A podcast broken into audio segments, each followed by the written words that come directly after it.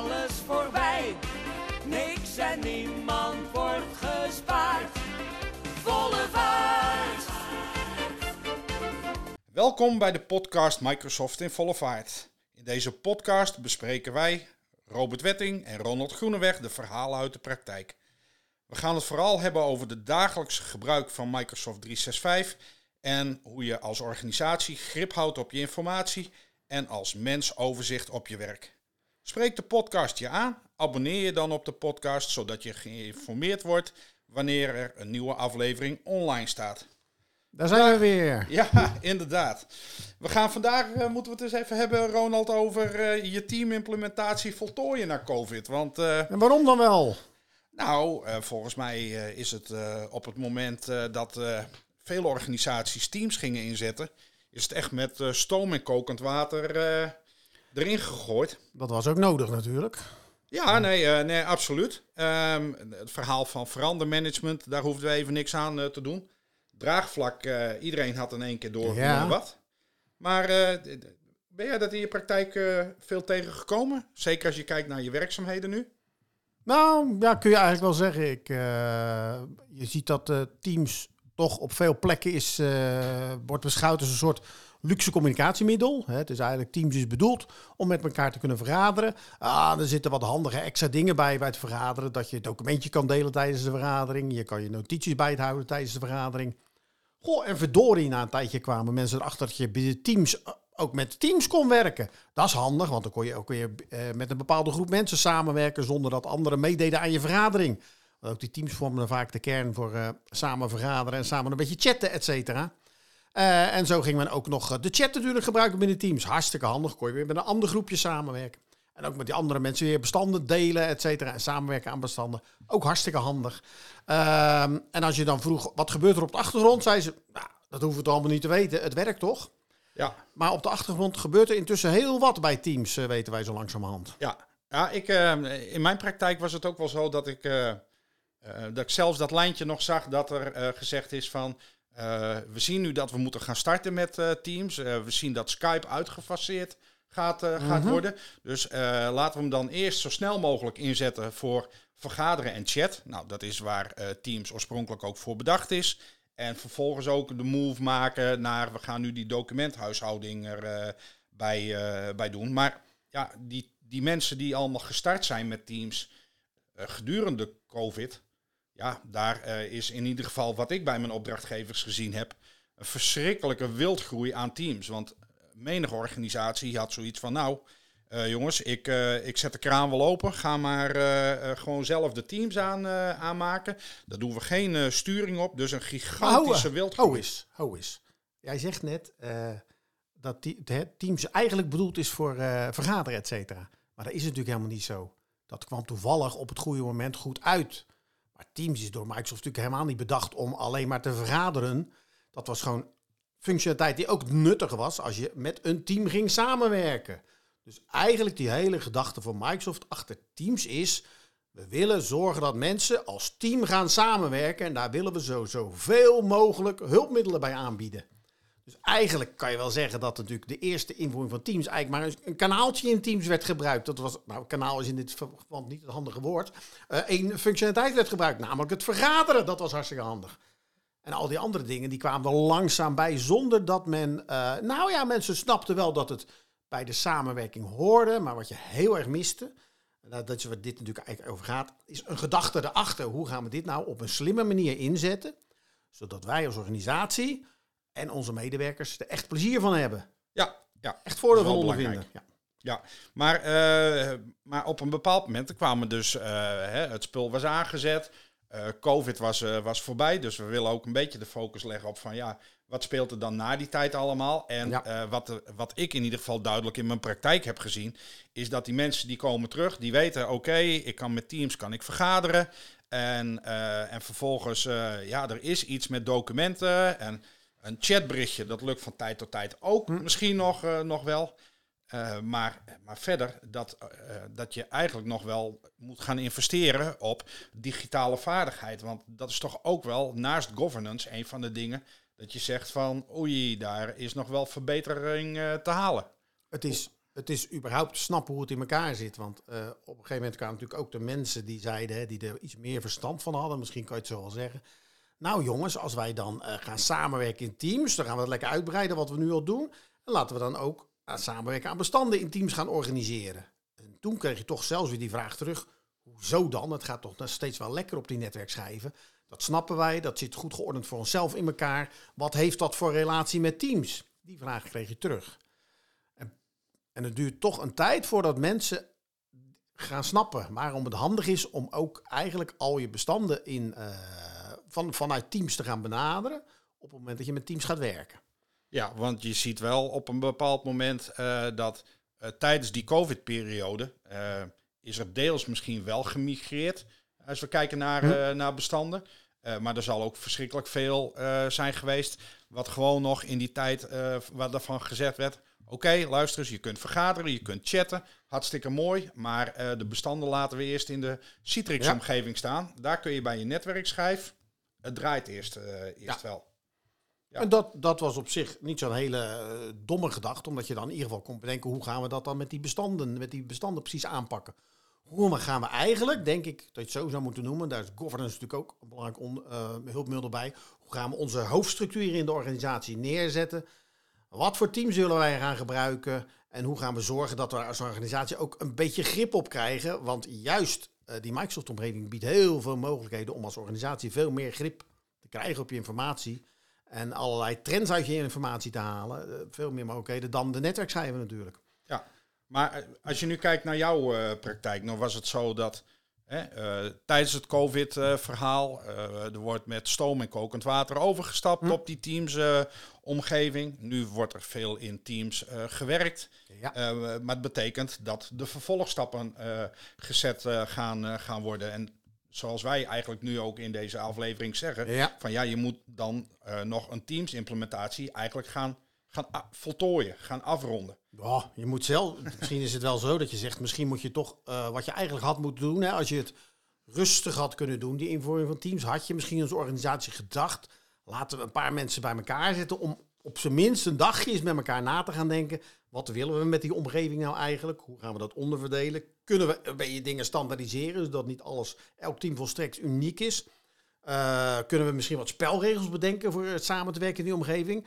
He, je merkt ook als je dat, al, al, heb je dat maar één dag gedaan als organisatie, dan heb je daar nog jaren plezier van, zeg ik altijd. Ja. En meestal is het wel iets meer dan één dag werk, want je bent hè, waar wij werken. Dat zijn meestal overheidsorganisaties, dus een dag overleg. Dat betekent dat daar meestal weer 44 dagen extra, extra overleg uit voortvloeien.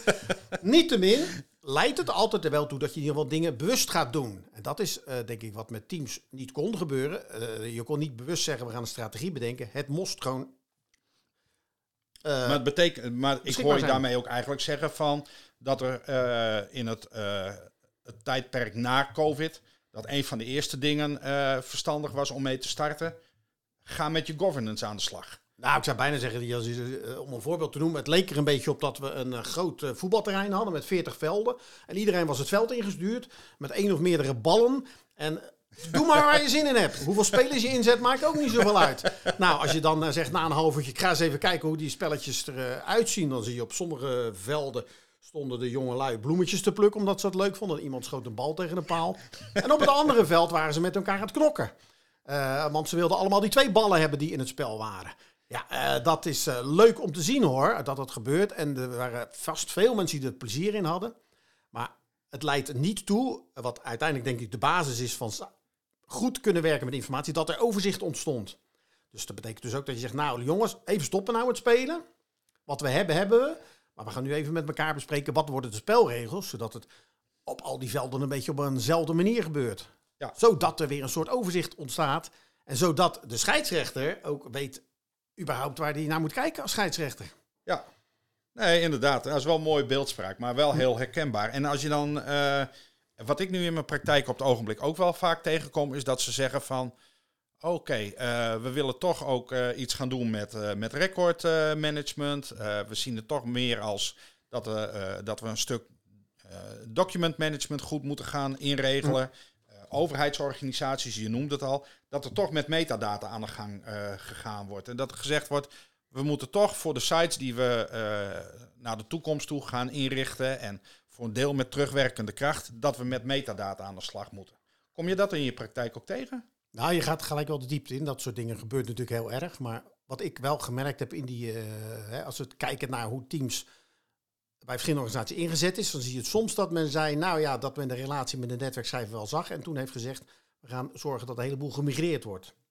En ook die migratie van netwerkschrijven af, of soms van oude SharePoint-omgeving. Want je had ook organisaties die werkten heel veel met SharePoint. Ja. Maar ja, je weet, de oude SharePoint, daar gebruikt men allerlei documentbibliotheken om dingen te ordenen en structureren. Ja, die hebben we ook nog Ja. gehad, ja. Dat werkt allemaal niet zo lekker in Teams. Zo'n gedachte van, nou ja, Teams komt er weer bij en wij zien dat er ook documenten in geplaatst worden. Dus help, we moeten ook van iets af.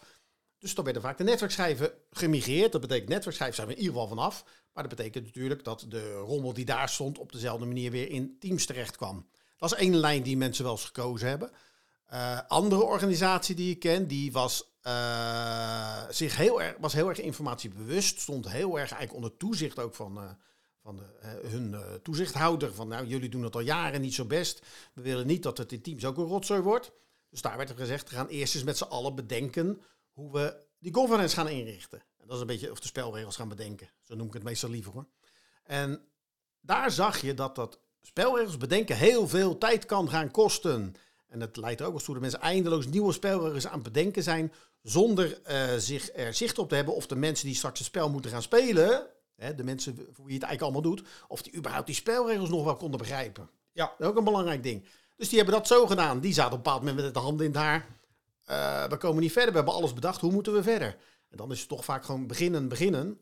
En dan kom je eigenlijk welke manier je ook zag. Of men helemaal niks deed. Of migraties deed. Of gewoon wat losse teams maakte. Al die organisaties komen op een bepaald moment op een punt dat ze zeggen... We moeten dit proberen weer goed in de greep te hebben. We moeten die spelregels goed gaan bedenken. En daarna ook, belangrijkste aspect natuurlijk, de spelregels goed gaan vertellen aan onze medewerkers. Dat die het snappen. We moeten ook scheidsrechters gaan opleiden. Dat het spel ook goed gespeeld wordt en gespeeld blijft worden. Enfin, het hele riedeltje begint dan weer. En het mooie is, vind ik altijd, dat het best met, eh, in de teamsomgeving met terugwerkende kracht kan je een heleboel doen nog. Ja, je kunt er met terugwerkende kracht nog eh, het nodige doen. Eh, waar ik wel altijd een belangrijke vind is, hoe hou je de balans erin? Hè? Daar hebben we ook de Ja. voorbeelden van gezien. Als, en, en dat is geen schoonheidsprijs. Sterker nog, ik denk dat wij het samen afkeuren. Maar het verhaal van, van Hugo de Jong, die zegt... Ja, weet je, er zaten zoveel spelregels eh, op die eh, omgeving eh, van het ministerie... waar ik destijds Ja. verantwoordelijk voor was. Hm. Ja, ik heb het naar mijn privé gemaild. dan kan ik het zo wel gaan, gaan afhandelen. Hè, ik, ik pak ook wel eens voor, voor klanten pak er een filmpje bij. De luisteraars moeten maar een keer Ja. kijken op YouTube. Staat er verschrikkelijk grappig kattenfilmpje. En dat gaat ook over beveiligingsmaatregelen. Information security. En, en eh, daar eh, zetten ze maatregelen zetten ze Ja. neer in een soort kattenluikje. En uiteindelijk wordt het, het, het stukje waar de kat doorheen kan, wordt steeds kleiner. Ja. En uiteindelijk zijn er zoveel veiligheidsmaatregelen genomen dat die kat ook denkt van ja, bekijk het en die springt er wel overheen. En ik denk dat je dat op het gebied van governance, maar ook op veiligheid, informatieveiligheid, dat Ja. je dat ook ziet dat er eh, dan de gebruikers zeggen, de medewerkers van ja, luister eens, eh, nu schieten jullie door. Dus eh, het is heel belangrijk om daar een balans in te vinden, maar ook het juiste tempo. Ja. Als, je, Ja. als je soms te snel gaat, dan haakt die medewerker die haakt ook af. Die zegt ja, bekijk het. eh, Ja, even. dus je, je kan ook dat gedrag van Hugo de Jonge niet afkeuren. Het is gewoon leerzaam.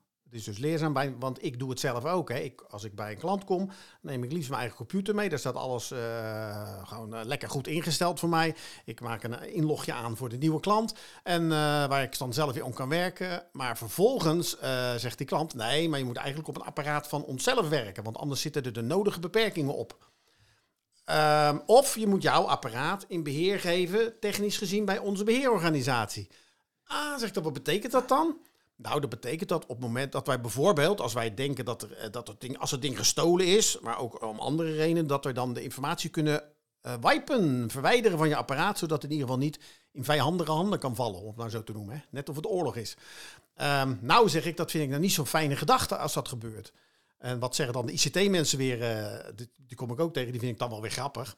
Ja, maar als je gewoon zorgt voor een goede backup, heb je daar helemaal geen last van als ze eraf gewiped is. Nou, denk ik dan, dat valt, daar valt nog wel wat uh, tegen in te brengen. Dus ook dat soort dingen zie ik. Maak mee dat je in, uh, uh, als je dan inlogt op je eigen apparaat in de Microsoft-omgeving, dan kan je het nodige doen. Moet je eigenlijk altijd onder de browser werken, want ze hebben het ook weer zo voor gezorgd dat je Teams niet kan opstarten vanaf je eigen computer.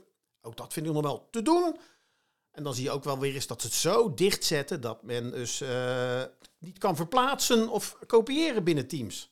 Ja. ja, daar snap ik helemaal niks meer van waarom dat is. En niemand kan mij dat uitleggen, behalve dat iedereen zegt, ja, dat is voor de veiligheid. Dus maar, als we het dan samenvatten, hè, want we kijken nu van wel, welke werkzaamheden vinden er plaats ja. in het, in het post-COVID-verhaal, hoor je eigenlijk al duidelijk noemen. Uh, governance, de spelregels, ja. zoals jij ze altijd uh, noemt. Dat is een gedeelte wat alsnog uh, ingericht wordt. En men gaat aan de slag met informatieveiligheid. Bijvoorbeeld, ja. Dat is sowieso wel een ding waar men mee aan de slag moet. Hoor. Het wordt bij organisaties ook soms wel losgetrokken van uh, waar wij het voornamelijk over hebben, is natuurlijk informatiebeheer, dat soort aspecten. En dat is niet precies hetzelfde als informatieveiligheid. Dus vaak ligt dat dan weer bij anderen. Net zoals de privacy dan weer bij anderen ligt. Uh, en dat soort dingen. Maar het is inderdaad belangrijk spelregels te kennen en mensen in ieder geval uit te leggen. A, waar een team voor bedoeld is. En B-aspect wat ook wel vaak vergeten wordt, leer ze gewoon goed ordenen en structureren. Ja. Want de basis uiteindelijk van overzicht houden is goed ordenen en structureren. En ook de basis van die hele malle, maffe archiefwetgeving die wij in Nederland hebben, is ook ordenen en structureren. Ook nog eens op basis van processen. Dus daar is, dat is allemaal prima te doen in die uh, Microsoft-omgeving. Uh, mits je uh, ja, daar toch wel enigszins, laat ik zeggen, begripvol mee omgaat.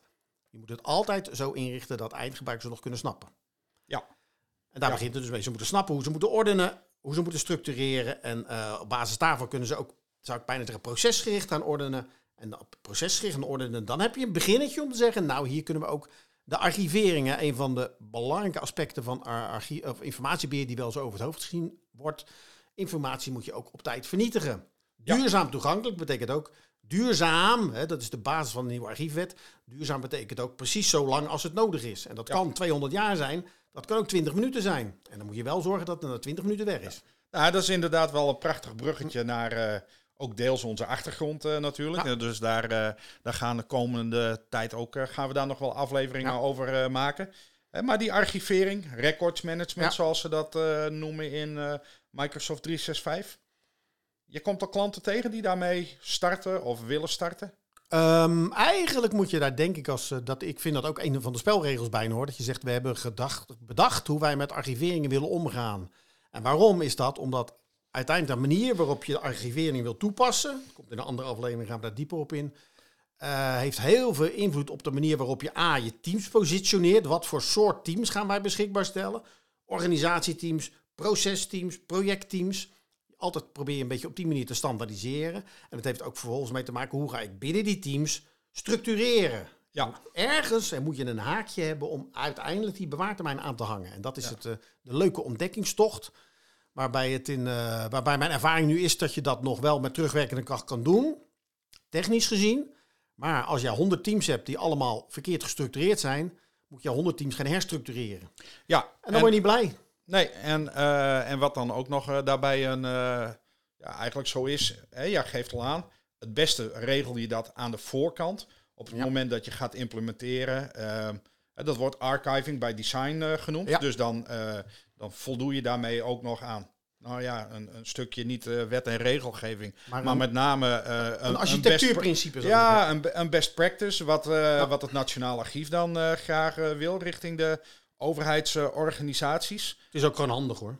Eh, ja, nee, dat, dat denk ik eh, absoluut eh, ook. Maar ehm, eh, daar heb je natuurlijk dan ook die relatie met het metadatamodel, wat, wat we al eerder eh, noemde. Ehm, maar wat ik wel tegenkom, want ik ben dat, hier ook mee bezig geweest bij een aantal klanten, is dat wel erg lastig is om zo af en toe de mensen van DIF met name een constructieve bijdrage eh, te laten leveren. Die vinden het soms moeilijk om het eh, te vertalen vanuit eh, de selectielijsten die zij hebben. Om te zeggen van oké, hier gaan we met labels en op documentniveau moeten we labels gaan, gaan toekennen. Dat is, dat is wel vaak een, een lastige wat ik hoor bij de mensen.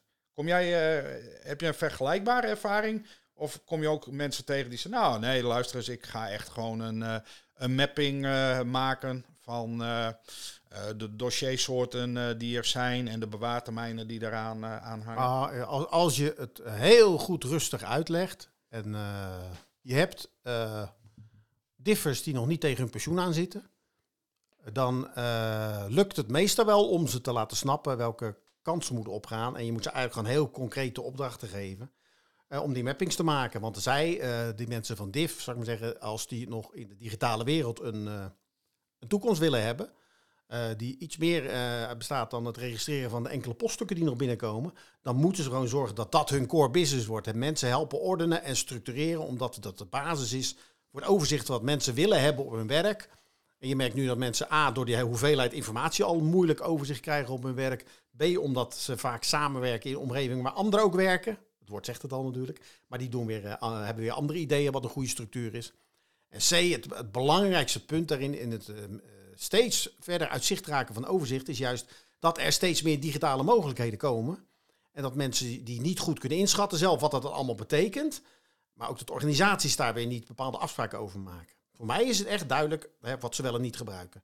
Basis van alles is gewoon, richt je altijd op overzicht, overzicht, overzicht. En eigenlijk is, ik zeg bijna heel simpel gezegd, continue adoptie, waar we het ook nog over gaan hebben straks, of in een latere uitzending.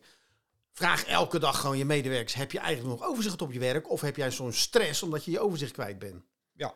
ja, want je hebt, eh, je hebt inderdaad eh, een, een aantal ondergeschoven kindjes, denk Ja. ik. Als je kijkt naar, eh, hè, we zijn allemaal gestart met het werken in, in teams. Ja, oké, we gaan iets aan spelregels doen. Eh, we hebben ondertussen in beeld dat het misschien toch slim is om, als we die omgeving gebruiken, om daar ook het records management op, eh, op in te gaan, eh, gaan richten. Maar er zijn, volgens mij zijn er wel een aantal ondergeschoven kindjes te benoemen. Waarvan, ondanks dat we, nou, om de term maar te gebruiken, in volle vaart aan de Ja. slag zijn met, in dit geval, teams. dat er toch een aantal ondergeschoven kindjes zijn waar nog steeds onvoldoende aandacht is. En één, wat ik dan toch wel tegenkom, we zetten één applicatie zetten we, eh, neer. eh, in dit geval Teams. Maar er speelt natuurlijk veel meer. Het verhaal OneDrive, eh, Ja. de, de mail, hè, de stip op de horizon, de visie. Ja. En die mis ik dan toch soms wel. Kom jij dat soort dingen ook tegen? Dat je denkt, ja, we zijn wel bezig aan de ene kant met wat ik net al zei, de archivering. We zitten op die achterkant. Maar wat je nu als eindresultaat moet gaan neerzetten eh, rondom Microsoft 365, daar hebben jullie volgens mij helemaal geen beeld van. Nou, maar er, zit in de praktijk merk ik ook een heel gat tussen. Hè? Want je bent gewoon, wij zijn erg in de operatie bezig om te zorgen dat wat ze al hebben of wat ze straks krijgen, dat dat in ieder geval de basis daarvoor goed is. Dat ze eh, de medewerkers een minimaal aantal digitale vaardigheden hebben en goede teams, noem maar wat. Dat is waar ze mee moeten beginnen. En dan heb je uiteindelijk, waar Microsoft heen gaat, is bijna, zou ik zeggen, kom je op het terrein van de IT-architecten terecht, of de informatiearchitecten. En dan zit je vaak op een, laat ik het zo noemen, vrij theoretisch eh, manier van praten met elkaar. Dus ik vind het soms zelfs moeilijk om eh, wat informatiearchitecten als verre stip projecteren, om te, eh, daar niet allerlei weerstandsgedachten bijna bij te krijgen. Van ja, maar in de praktijk, dus praktijk en die stip in Noord, daar zit nog een of ander gebied tussen volgens mij, waarvan je moet zeggen, we moeten gewoon misschien het per jaar bekijken. Misschien moeten we wel bedenken, volgend per jaar doen we één appje erbij. En we zorgen in ieder geval steeds wat we hebben aan eh, wat we gebruiken. En aan spelregels dat dat steeds weer onderhouden wordt en bekeken wordt of dat nog goed is, verbeterd wordt. Op basis van wat de organisatie ons terug vertelt. Dus ga ook die organisatie in. Hè? Dat vergeten mensen ook vaak. En eh, ja, dan zie je dat, het, dat je uiteindelijk die stip aan de horizon verandert ook. Omdat Microsoft zelf ook weer dingen doet waarvan je denkt dat hadden we nou nooit zo bedacht Ja. dat ze zoiets zouden verzinnen. Ja, aan de ene kant ja. is het wel een organisch proces, maar aan de andere kant hoor ik je ook zeggen van je kunt alleen eh, met kleine stapjes in toch een semi-gestructureerde aanpak kun je naar die stip op de horizon eh, komen. En de menselijke maat dan? Want eerder in deze uitzending zei ik ook al van, joh, volgens mij eh, eh, hè, digitale vaardigheden onder de medewerkers is ook wel een aandachtspunt. En ik zie dat je een heel mooi eh, in de voorbereiding, we maken vaak eventjes een aantal notes waar we het over willen hebben. En ik zie een hartstikke mooi lijstje daar ook eh, staan van gewoon allerlei zaken die je eh, eigenlijk moet ja, gaan organiseren om, om het alsnog gestructureerd geïmplementeerd te krijgen. Wat, wat, wat gaan we daar over, over adviseren, Ronald? Als je kijkt naar die digitale vaardigheden en het meenemen van die mensen. Ja. Nou, de basis voor digitale vaardigheid, eh, die komt bij continue adoptie ook nog een paar keer naar voren, is dat medewerkers zelf ook snappen. Eigenlijk eerlijk gewoon bekennen, bijna zou ik zeggen voor zichzelf. Ik ben niet zo digitaal vaardig als ik wel dacht. Ja. Dat is de basis voor mij. En van daaruit moet je inderdaad zeggen, oké, van daaruit betekent, nou prima, helemaal niet erg. Gaat allemaal zo snel. En we snappen ook dat het gewone werk wat je doet, hè, diensten verlenen aan de burger, zal ik maar zeggen, dat is natuurlijk je hoofdtaak. Maar zorg nou ook dat dat dossier voor de burger op orde is. Dat is dan iets waarvan je zegt, nou wat is het belangrijkste? Als wij tegen bij elkaar zitten, zeggen wij nou dat de dienstverlening is het belangrijkste. Maar op den duur zou je toch ook wel merken als je je uh, informatiebeheer rond die beurs niet op orde hebt, dat je daar ook weer last van krijgt. Ik vind wel een hele goeie wat je net noemt. Want uh, wij werken iedere dag met die producten. Dus, dus, voor ons is het de core business. Maar ik krijg best wel regelmatig eh, medewerkers die zeggen: Ja, maar vergeet niet, voor ons is het maar een deeltaak. Ik ben, De hele dag ben ik bezig met, ik noem maar wat, bepaald beleid voorbereiden. Of ik ben de hele dag bezig met bepaalde diensten en zitten met burgers of wegenbouwers om, om de hm? tafel. Dus het is maar een facet van mijn werk, terwijl wij er fulltime mee bezig zijn. En in een aantal gevallen willen we misschien daar waar het gaat om de digitale vaardigheden of de gebruikersadoptie, willen we misschien soms ook wel te snel. Ja dat we organisaties moeten meegeven van luister dit moet je veel langer aanhouden, dit traject. Dat is volgens mij ook wel heel belangrijk.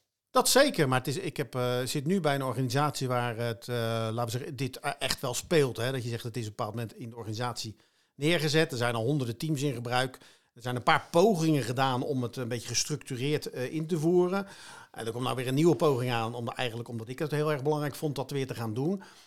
Maar het team dat eigenlijk die ondersteuning doet, er zitten voornamelijk functioneel en technisch beheerders in. Die hadden een sessie georganiseerd van een uurtje, kennissessie via Teams. En uh, ze kwamen daarna een kwartier achter dat alleen het aantal vragen al uren ging uh, kosten om die te beantwoorden. Gewoon. toen dachten ze, wij zijn nu heel erg wel ons ervan bewust van geworden dat mensen het gewoon moeilijk vinden, niet snappen en eigenlijk gewoon niet op de goede manier, in de goede stapjes ermee zijn gaan werken.